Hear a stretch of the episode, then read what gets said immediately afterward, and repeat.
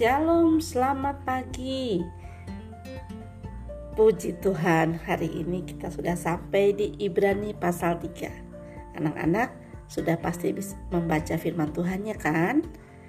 Satu pasal ini di Ibrani pasal 3. Oke, kita akan kembali merenungkan satu ayat dari Ibrani pasal 3, yaitu ayat ke-14 karena kita telah beroleh bagian di dalam Kristus, asal saja kita teguh berpegang sampai kepada akhirnya pada keyakinan iman kita yang semula. Hmm, dalam bacaan hari ini, penulis Ibrani menuliskan tentang orang-orang yang binasa karena murtad. Apa itu murtad?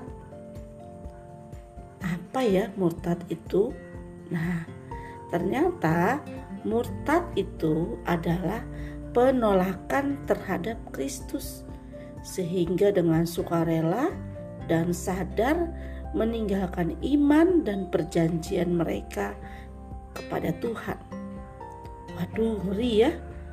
Kita pasti tidak mau menjadi orang yang murtad. Karena itu Tuhan memberikan nasihat kepada kita melalui pembacaan hari ini. Di ayat 14 ini Tuhan menasehatkan kita untuk teguh berpegang sampai pada akhirnya pada keyakinan iman kita. Hmm, mengapa kita harus teguh berpegang? Ayat 14 tadi juga berkata, mengapa ya kita harus teguh berpegang? Karena kita sudah memperoleh bagian dalam Kristus. Kata lainnya, Kristus itu, Tuhan Yesus itu sudah menyediakan penebusan, berkat rohani, kekayaan ilahi yang luar biasa untuk orang-orang yang setia sampai akhir. Anak-anak bisa ingat kembali di Efesus pasal 1. Karena itu anak-anak, mari lakukan hal-hal sederhana dengan setia. Setialah membaca firman, setialah melakukannya, setialah berdoa, setia bersekutu, setia menjadi saksi.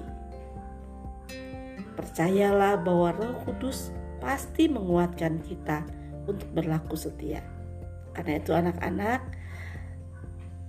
Teruslah berakar dan bertumbuh di dalam Tuhan. Tetaplah berlaku setia. Dari situlah kita bisa percaya bahwa anak-anak tidak dapat digoncangkan, tidak bisa bergeser dari iman sampai dewasa, bahkan sampai bertemu dengan Tuhan kedua kali. Pada waktu kedatangan yang kedua kali. Demikian anak-anak, hari ini tetaplah setia, tetaplah berpegang kepada Kristus, teguhlah berpegang kepada Kristus sampai kepada akhirnya. Tuhan Yesus memberkati. Selamat beraktivitas. Bless you.